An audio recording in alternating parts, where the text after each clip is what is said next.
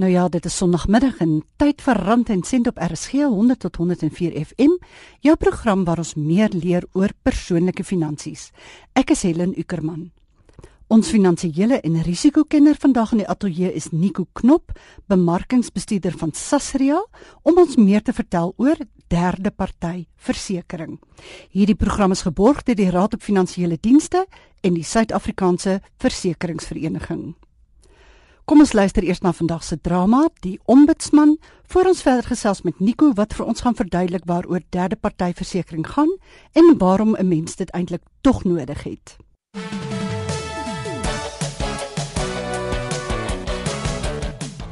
Finansiële Vryheid episode 21. Die Ombudsman.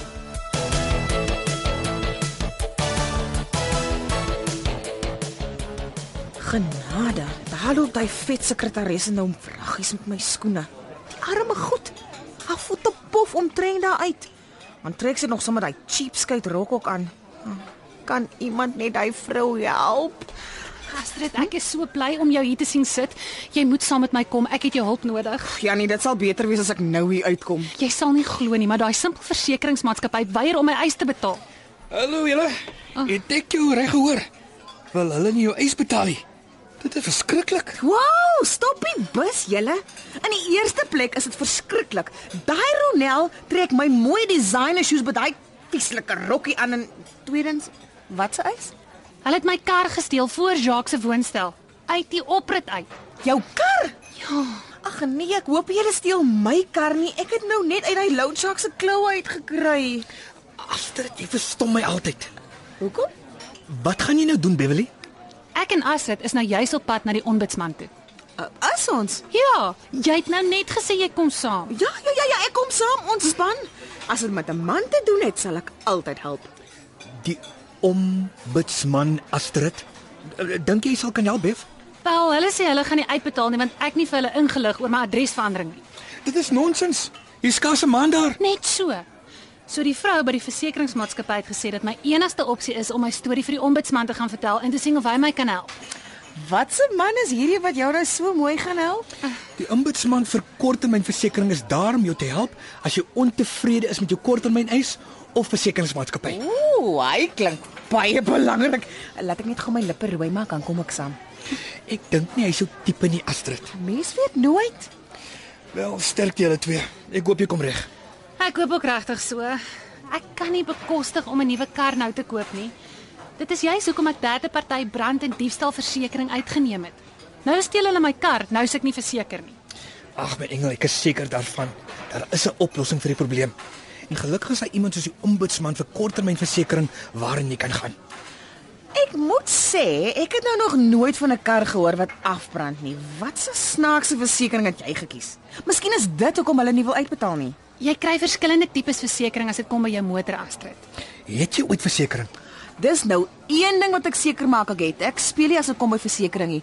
Ek is verseker vir die hele boks om beks as dit kom by my kar. Dit klink of jy omvattende versekerings het op jou motor. Jy is gedek in alle omstandighede. Verseker. Nou, daai opsie is bietjie duurder. sien, as jy nie so baie geld het vir die volle omvattende karversekering nie, dan kan jy derde party brand en diefstal uitneem. Dit dek jou in al die omstandighede behalwe as jy dit self veroorsaak. Soos in 'n sloot inry of die skade aan jou kar as jy 'n ongeluk veroorsaak. Maar dit ek wel die skade vir die ander kar. Sodat jy nie daai geld ook moet opdok nie. Uh, is dit goedkoper? Ja, so dit het my sak beter gepas. En as jy haal jou kar stik en slat sal dit dan ook uitbetaal. Ja, derde party brand en diefstal sal ook uitbetaal as die skade as gevolg van natuurlike oorsake gebeur het. Al hierdie goedjies in die lewe wat 'n mens nooit van weet nie. Dit is hoekom jy moet vra, vra Astrid. Hoe koop jy versekerings? Ek het gevra, maar toe hoor ek net partytjie en toe dog ek sy praat van ietsie anderste. Nie partytjie nie, Astrid, derde party. Gaan wonder ek het nooit 'n uitnodiging gekry nie. Dan is daar nog die laaste opsie wat jy slegs derde party versekering uitneem. Dit is nou net die broodnodige. Dit dek dan net die skade van die ander voertuig waarin jy vasry en sal nie uitbetaal as die kar gesteel word of die haal tref dit nie. Dit is nog goedkoper, maar ek was bietjie bang vir die diefstal. veral in die land. So toe vat ek die derde party brand en diefstal opsie. En wragtig, toe steel hulle my mooi ou karretjie En hulle wil nie uitbetaal nie. as gevolg van 'n adresverandering wat ek nie aangemeld het nie. My bloed begin sommer nou weer kook. Nee, my lief. Ontspan nou, alles sal uitwerk. Wees nou net kalm en vertel die ombudsman die hele storie. Ek sal my bes probeer, maar ek is nou wragtig kwaad. Kom gee my 'n soen. Jy is so oulik as jou wangetjie so rooi raak van die emosie. Nee, julle nou voel ek soos die derde party hier. Ek sit gou my lipstifie aan, dan gaan sien ons die man. Mm, die ombudsman. Klink sommer al klaar vir my baie sexy.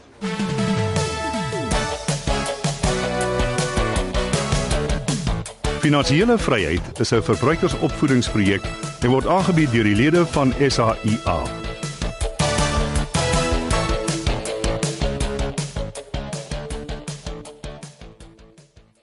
Dit was dan ons weeklikse drama Die Ombudsman en dit was episode 21 in ons reeks oor finansiële vryheid.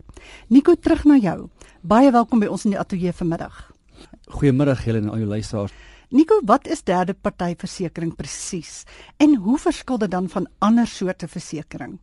Helen ja, net om dit eenvoudig te hou, derde party versekerings beskerm jou teen skade wat jy aangerig het teen 'n derde party se voertuig in 'n ongeluk waar jy gewoonlik omvattende dekking kry of soos baie polisse in Engels sê comprehensive wat jou eie skade ook dek sal derde party jou net beskerm wat jy aanrig teen 'n derde party se voertuig So dit is net vir voertuie, vir niks anders nie. net vir voertuie dis korrek Nou is derde party versekerings verpligtend. dit is nie verpligtend nie. Ek dink daarin lê baie van die versekerings of die korttermynbedryf se probleme in terme van motorskade. Terwyl dit nie verpligtend is nie, beteken dit dat die versekeraar probeer die skadeverhaal van die skuldige party in ongeluk af en die persoon het nie versekerings nie.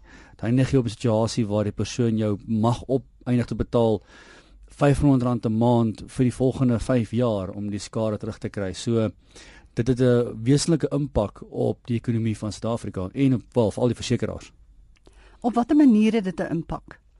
Die versekeringsmaatskappy moet nou voorsiening maak vir hierdie swak skuld amper. Hulle het hierdie groot boek motorskade wat hulle moet verhaal teen 'n groot klomp drywers wat skuldig was aan 'n ongeluk en wat nie versekering is nie. Iemand moet daai kostes absorbeer. So versekeringsmaatskappy besluit uiteindelik dat dit is nie meer die moeite werd om R100 'n maand te verhaal nie en hulle laat vaar die verhaalsreg. En daai kostes, daai kom ons sê ek stamp jou kar in en dit kos R20000 om reg te maak. Daai R20000 moet iemand vat en dit iets daarmee doen. En gewoonlik vat die versekeraar dit en hy sê wel ek skryf dit af, ek kan nie van jou af kry nie en my versekerdes moet daardie kostes dra. Ek moet elke jaar voorsiening maak daarvoor so ek lig maar net die premies en dis 'n feit en dis hoekom versekerings word so duur. En hierdie groot pool onversekerde bestuurders het 'n impak. Hulle weet dit nie, maar en ons bestuurders weet dit ook nie, maar indirek maak dit jou seer. Met ander woorde, ons wat wel versekerings het en wat wel derde party versekerings het, ons moet op die ou en daarvoor opdok Absoluut. deur verhoogde premies. Dit is dis al maniere die versekering die maatskappye daai tipe afskrywing kan absorbeer. Hulle kan nie jaar na jaar miljoene afskryf en dan dit maar net vat nie. Hulle moet premies lig om voorsiening te maak vir die onversekerde bestuurders op die pad. Maar Nico, ek het gesien daar was nou in die afgelope tyd verlede jaar en so was daar uh besprekings en in die nuus dat derde party versekerings wel verpligtend gemaak behoort te word. Weet jy dalk waar staan daardie proses en wie sal so 'n proses implementeer? Helen, ehm um, die proses is aan die gang of sê ons sal sê is ongoing. Sahia werk baie nou saam met die departement van uh vervoer om uit te vind wat is die beste model. Kyk jare jare terug, het versekeringsmaatskappye elk per maand hierdie tipe kostes gedra. So een maand was dit byvoorbeeld Santam, die volgende maand was dit Mutual and Federal en dan daai as jy ongeluk in daardie maand was, het hulle jou eis gehanteer. Ehm um, dit was die model, die model het weggeval. Daai was ook meestal ook net vir vir beserings gewees. En daar's geen rede hoekom die model nie kan werk net vir gewone noem dit maar blikskade of materiële skade nie. Nou maar ons hoop dit kom gou in plek sodat ons polisbetalers nou nie heeltyd die spit afbyt nie, né? Nou Nico, jy het nou gesê derde party versekerings is gewoonlik deel van omvattende motorversekering, maar ek sien daar is 3 soorte wat 'n mens kan uitneem. Kan jy dit 'n bietjie uitbrei? Ja, dan kyk ons kry gewoonlik jou skoon derde party versekerings. Dan kry jy derde party brand en diefstal. En dan kry ons wat ons indirek bydra. Dit is deel van die pad ongelukke fonds, daardie brandstofkorting wat jy betaal elke keer as jy petrol in jou kar gooi. Uiteindelik skoon derde party beskerm jou net vir wanneer jy skade aan 'n ander voertuig aanrig. Nou dis nogal handig veral as jy 'n kar self ry wat nie veel werd is nie. Die kar is 10 jaar oud of hy's miskien 10 rand werd. So as hy seer kry, is daar nie veel ekonomies wat herstel moet word nie. Maar jy mag dalk in 'n Mercedes-Benz vasry of in 'n Lexus of 'n baie baie duur voertuig. Dit beskerm jou en is basies baie goedkope tipe versekerings om in, in die mark om te kry. Dis nie duur nie. Dan kry jy derde party brand en diefstaldekking en ek dink dis voor die hand ligging. Wie is beskerm met jou vir skade teen derde party se voertuig? As jou voertuig aan die brand slaan of brand, en dan natuurlik vir diefstal as die voertuig gesteel word. En dan die laaste ene is een wat die padongelukke fonds hanteer. Dit is wanneer mense beseer word in ongelukke en die padongelukke fonds betaal dan wel die onskuldige beseerdes en deesdae die beseerdes in die skuldige voertuig ook vir liggaamlike beserings tydens 'n motorongeluk. En daai bydrae kom van die petrolheffing af elke maand of elke keer as jy petrol ingooi, sorry. Ja, ek gaan nou net 'n bietjie vir jou daaroor verhaal. So verstaan ek nou reg dat hoewel derde party versekerings gewoonlik deel is van omvattende motorversekering, kan jy dit ook alleen uitneem. Jy kan dit alleen uitneem. Ja, want absoluut. Want party karre word natuurlik nie meer verseker nie want hulle is te oud. Heeltemal reg, Helen. Jy jy kan 'n 19 50 kar is dalk nie vinnig 'n vintage kar wat jy kan verseker nie. 'n Ou 1980 Ford Sierra. Jy verseker om net vir derde party en as jou Sierra 'n ander kar stamp, dan het jy ten minste beskerming vir die skade wat jy aangerig het. Natuurlik is jou kar nog steeds stukkend, maar ten minste het jy nie aanspreeklikheid opgedoen vir die ongeluk nie. Ja, jou kar gaan darm nie soveel kos as daai Mercedes nie, nee. Ek is doodseker ek gaan nie. Nico, daar is wat 10 miljoen karre op Suid-Afrika se paaie. En afhangende van waar jy nou bietjie navorsing doen, is tussen 35 en 65% van hierdie voertuie nie verseker nie. Dit is as jy die hoër getal neem, 2 uit elke 3 voertuie. Wat is die gevolge vir 'n onversekerde motoreienaar as hy of sy dan in 'n ongeluk betrokke is? Dit gaan 'n geweldige impak op hulle besteedbare inkomste hê. Helen ja, kyk die die syfers en soos jy sê hang af en wie jy praat, is 'n baie hoë syfer. Ons weet daar's 'n baie groot lae-inkomste groep wat voertuie gebruik, het sy of hulle padwaardig is of nie, wat op ons paaie is en en ek dink daar's uiteindelik van die dag net te veel voertuie vir ons paaie. Wat is die impak? Jy het nie meer 'n kar nie of jy het 'n kar wat nie kan ry nie of die kar kan ry en hy's nou so onpadwaardig dat jy net nie moet om op die pad moet wees nie. En natuurlik, hoe kom jy by die werk as jy nie 'n kar het nie? Jou kar is stuk en so die ekonomiese impak is baie groter as wat mense noodwendig voor die hand liggend dink. Die impak is nie net op die eienaar en die bestuurder van die voertuig nie, maar ook op die mense wat afhanklik is van daardie voertuig om hulle ekonomiese bestaan te maak. Nico, soos jy nou gesê het, derde party versekerings dek jou vir die ander party se skade. Nou, wat sluit dit nou alles in? En dit sluit in letterlik die skade wat jy aangerig het op sy voertuig. Dit begin bo, agter, links, reg, die hele voertuig van die derde party. Dit dek nie die skade aan jou voertuig nie. As jy gevind word skuldig te wees vir die skade, sal dit jou dek vir die skade aangerig aan 'n ander persoon se voertuig. As jy nou pas ingeskakel het, jy luister na RSG Rand en Sent. Dit is 100 tot 104 FM en dit is Helen. Ons gesels met Nico Knop van Sasria oor derde party versekerings. Nico, voor ons nou gaan praat oor wat 'n mens te doen staan as jy in 'n ongeluk was. Vertel gou vir ons hoe sluit die nasionale padfonds nou presies aan by derde party versekerings? Hoe betaal ons daarvoor? Die padongelukfonds se oogmerk is altyd om mense ekonomies meer aktief te maak of terug op die been te bring. Derhalwe het hulle gevind dat die verhaling van die brandstofheffing is die beste manier vir die grootste groep padverbruikers. Helen sê eintlik 'n oogmerk is dat dit daar is vir liggaamlike beserings alleenlik en nie vir die blikskade wat aangerig word tydens 'n ongeluk nie. En daar's die verskil met gewone derde versekerings wat jy moet uitneem. Jy moet aktief 'n versekeraar gaan soek om die dekking te kry terwyl die derde party met die padongelukke fonds betaal jy amper onbewuslik elke keer as jy petrol in jou kar gooi. So almal het beskerming of hulle dit bewuslik doen of nie. Hoeveel van die brandstofprys gaan daarvoor? Het jy enige idee? Helen, ek gaan bietjie ek sê ek weet hoeveel dit is. Ek weet elke jaar word dit 'n bietjie aangepas en dis 'n groot twispunt by baie mense oor ons petrolprys wat baie hoog word, maar ek moet sê ek dink dis 'n baie goeie plan. Ek dink daar's mense wat baie baie seer kry in ongelukke wat nie mediese fondse het nie en selfs het hulle mediese fondse wat nie alles dek nie. Ek weet ek het twee klein kindertjies en, en teen Augustus maand my mediese fonds uitgeput. En ek weet dat dag tot dag is daar mense wat dit nie het nie. So in my opinie is die padongelukkige fonds 'n goeie struktuur. Die beginsel vir my is korrek. Jy luister na Rand en Sent op RSG 100 tot 104 FM. Dit is Helen en ons praat met Nico Knop van Sasria oor derde party versekerings. Sonike, wat staan 'n mens nou te doen as jy in 'n ongeluk was? Wat is die regte optrede? Helen, ja, ek dink die belangrikste is sê so min as moontlik. Probeer kalm bly. Meeste mense maak verklaringe en erken skuld en 'n week nadat as jy bietjie na die prentjie kyk en die foto's dan is die persoon glad nie skuldig nie, maar nou het hy 'n skulderkenning gemaak by die ongelukstoneel en daai tipe goed vir 'n versekeringsmaatskappy is nogal 'n probleem en meeste polisse maak voorsiening daarvoor dat jy moet geen skuld erken of geen erkenning van skuld maak by 'n ongelukstoneel nie. So eerste stap is probeer rustig bly, sê so min as moontlik, gee besonderhede uit. Belangrikste hierso is kry die ander persoon se volle name en van ID-nommer, tipe maak van voertuie is belangrik, uh, registrasienommers en ek weet daar gaan nou 'n koor van mense opspring en sê ja, my nommerplate is vervals en e-nommers is vervals. Die versekeringsmaatskappy is bewus daarvan. Net so baie soos wat die nasionale padreguleurs daarvan weet. Maar hoe meer rigting jy het, hoe makliker word om die persoon op te spoor. As 'n mens nou wil deurgaan presies wat moet jy kry, is daar 'n hele rits goed. Ek dink die belangrikste is probeer rustig bly. Moenie bekleierery begin nie want jy's gewoonlik of verkeerd of jy's in die minderheid.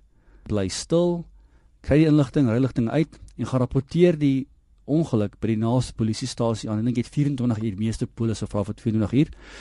Ehm uh, meld hom aan en dan dan weet jy die versekeringsmaatskappy van die ongeluk. Dink dis die maklikste een. En dan nou deesdae, jy weet in hierdie tyd van selfone waarin ons leef, is dit daarom baie maklik om fotos van die ongelukstoneel te neem om ook nou daardeur te kan wys wat jou rol was in die ongeluk. Wat moet 'n mens nou alles afneem? Hulle dink jy die spyker op die kop geslaan daarso. Selftegnologie het dit baie makliker gemaak vir meeste van ons. Mense moet nie onderskat nie. 'n Foto is ongelooflik kragtig as dit kom by argumente oor wie en wie is nie skuldig nie. Die skade is gewoonlik 'n aanduiding van hoe die ongeluk plaasgevind het. As jy my gaan vra presies wat om afgeneem te word, eh, daar's 'n basiese paar goed. Verkieslik die skade wat aangerig is. Wat het jy gestamp of wat van jou is gestamp? Neem foto's van die ander voertuig en jou voertuig reg rondom. Daar's niks so sleg as wat ons nie weet nie en die derde party sê vir ons die skade is links voor, regs voor, regs agter, regs middel, reg oor, reg rondom die kar en jy dalk miskien net die wiel gestamp. So neem foto net om vir jouself ook net te gee wat gebeur het. En dan belangrik genoeg is soos neem vir ons fotos van stopstate wat jy oorgegaan het verkeersligte wat jy oorgegaan het wys vir ons 'n flikkerende pyltjie daardie is nogal 'n probleem want baie baie feite gaan oor ja ek het regs gedraai maar die pyltjie het my geflikker die ander persoon sê maar daar is geen flikkerlig nie. Dan hoor ons die flikkerlig werk nie. Wys vir ons wat gebeur het Wys vir ons hoe dit gelyk het toe jy aangery het. Wys vir ons hoe dit gelyk het toe jy aangekom het en wys vir ons hoe dit gelyk het toe 'n ander persoon aangekom het. Dit dit skep vir die versekeringsmaatskappy 'n prent en 'n saak om te bou. As jy skuldig is, belangrikste is Helen, moenie die storie opmaak nie. Jou versekering stel jou skadeloos solank jy die waarheid praat. Dit is nie 'n geval van as jy die ongeluk veroorsaak het, gaan ons nie betaal nie. Jy moet net eerlik wees sodat ons jou kan verdedig ordentlik. As jy verseker dit nou die storie opmaak, kos dit die versekeringsmaatskappy baie meer geld om by die uiteindelike waarheid uit te kom.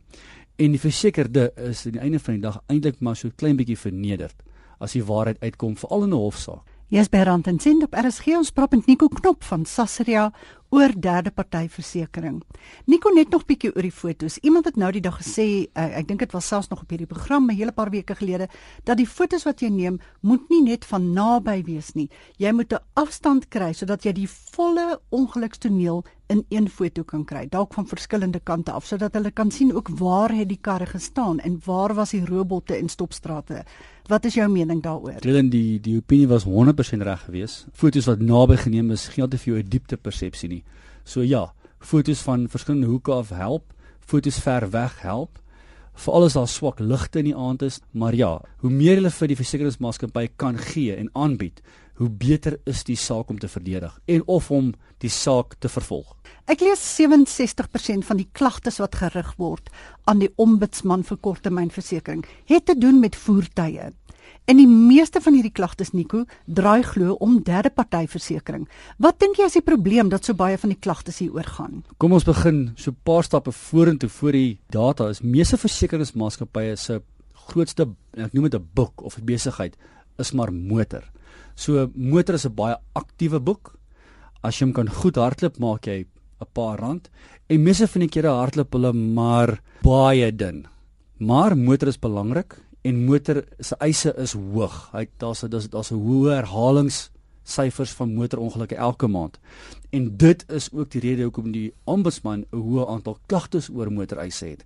En daar's baie rolspelers in motor, veral die waardeketting. Daar's die paneelkloppers, daar is die sleepvoertuie, dan is daar die makelaar, dan is daar die versekeringsmaatskappy, dan is daar die die motorassessor wat die skade moet bepaal. Iets kan baie maklik verkeerd gaan met soveel mense betrokke in in een ongeluk. Nou jou data oor derde party versekerings is my opinie is meeste soos volg. Liewe ombudsman, ek het 'n eis ingehandig by ABC Versekeringsmaatskappy. Hulle versekerde het my voertuig gestamp en ek hoor niks van hulle af nie help my asseblief. Nou ek weet 'n um, paar jaar terug toe ek daar party motors uh, eise gehanteer het, het dit party klerke tot 5600 eise gehanteer per maand op derde party. So die druk is ongelooflik hoog. Dis gebeur baie maklik dat iemand se eis in die ry wag om afgehandel te word. Nie dat ek verskonings wil maak nie. Daar is net baie eise en die rolspelers in so 'n ketting is baie. En dit gebeur dat die ombudsman se klagte sal baie hoog wees op motor daar word hy klaar dat ABC versekeraar se eise klerk vat sy tyd of die assessor is nog nie uitgestuur nie of die paneelklopper stem nie saam met die assessor nie. Dit is 'n baie konflikhoë omgewing. En iemand se voertuig is baie waardevol vir hom. So as hy vandag gestamp is wil hy môre al die voertuig reg hê. Dit sal nooit gebeur nie met my eie versekeraar op my eie voertuig nie. Dit vat baie keer 4 5 weke voor die voertuig reg is. Mens moet dalk nou maar as jy jou motor verseker ook 'n leenvoertuig insluit. Ek dink 'n huurvoertuig is kardinaal. Dit is nie 'n hoë premium by te voeg by jou maandeliks premie nie. Ek dink ek kan begin hier so by R40 'n maand. Hangende wat se tipe klas voertuig jy wil huur, maar dit is goud werd as jy 'n baie hoë afhangigheid vir jou eie voertuig het as jy by die werk moet kom. Party mense kan of bus ry of die kar ry, dit is dit hang maar af. Ek kan nie want ek het my voertuig nodig vir werksdoeleindes. So ek het motor hier in my polis ingesluit. Maar ja, dit maak 'n groot verskil hê. Ja, dis 'n goeie oplossing. Nico, as 'n mens aan die ontvangkant is van 'n derde party, eis met ander woorde iemand het nou in my kar vasgery. Hoe raak dit my? Hoe gaan dit hanteer word? Wat kan ek verwag? Jy het versekerings, iemand stamp jou voertuig. Jy het dalk 'n bybetaling ja of nee. Dit hang nou af. Kom ons sê jy het die bybetaling wat jy betaal is nie 'n skuldbybetaling nie of jy skuldig is of nie. Die bybetaling is die bybetaling. Die versekeringsmaatskappy poog altyd om die koste te verhaal van die skuldige party af, maar jou bybetaling moet betaal word. Dit is deel van die polis, is in die kontrak. Jy het daartoe ingestem. Het ingestem. So of jy nou wil argumenteer of jy skuldig is of nie, dis 'n kontraktuele term. Jy betaal die bybetaling en dan probeer die versekeringsmaatskappy die skade terugverhaal saam met hulle skade van die derde party af. Jou bybetaling is dalk 2.500 rand en die versekeraar soek 20000, hulle probeer die 22500 rand terugverhaal van die party af. Daai skadeverhaling hang af hoe moontlik is die verhaling teen die derde party. Hy dalk nie werk nie. Hy het baie ander probleme wat maak dat die geld nie verhaal kan word nie. Nico onder watter omstandighede sal 'n versekeraar nie uitbetaal as mens in daardie posisie is?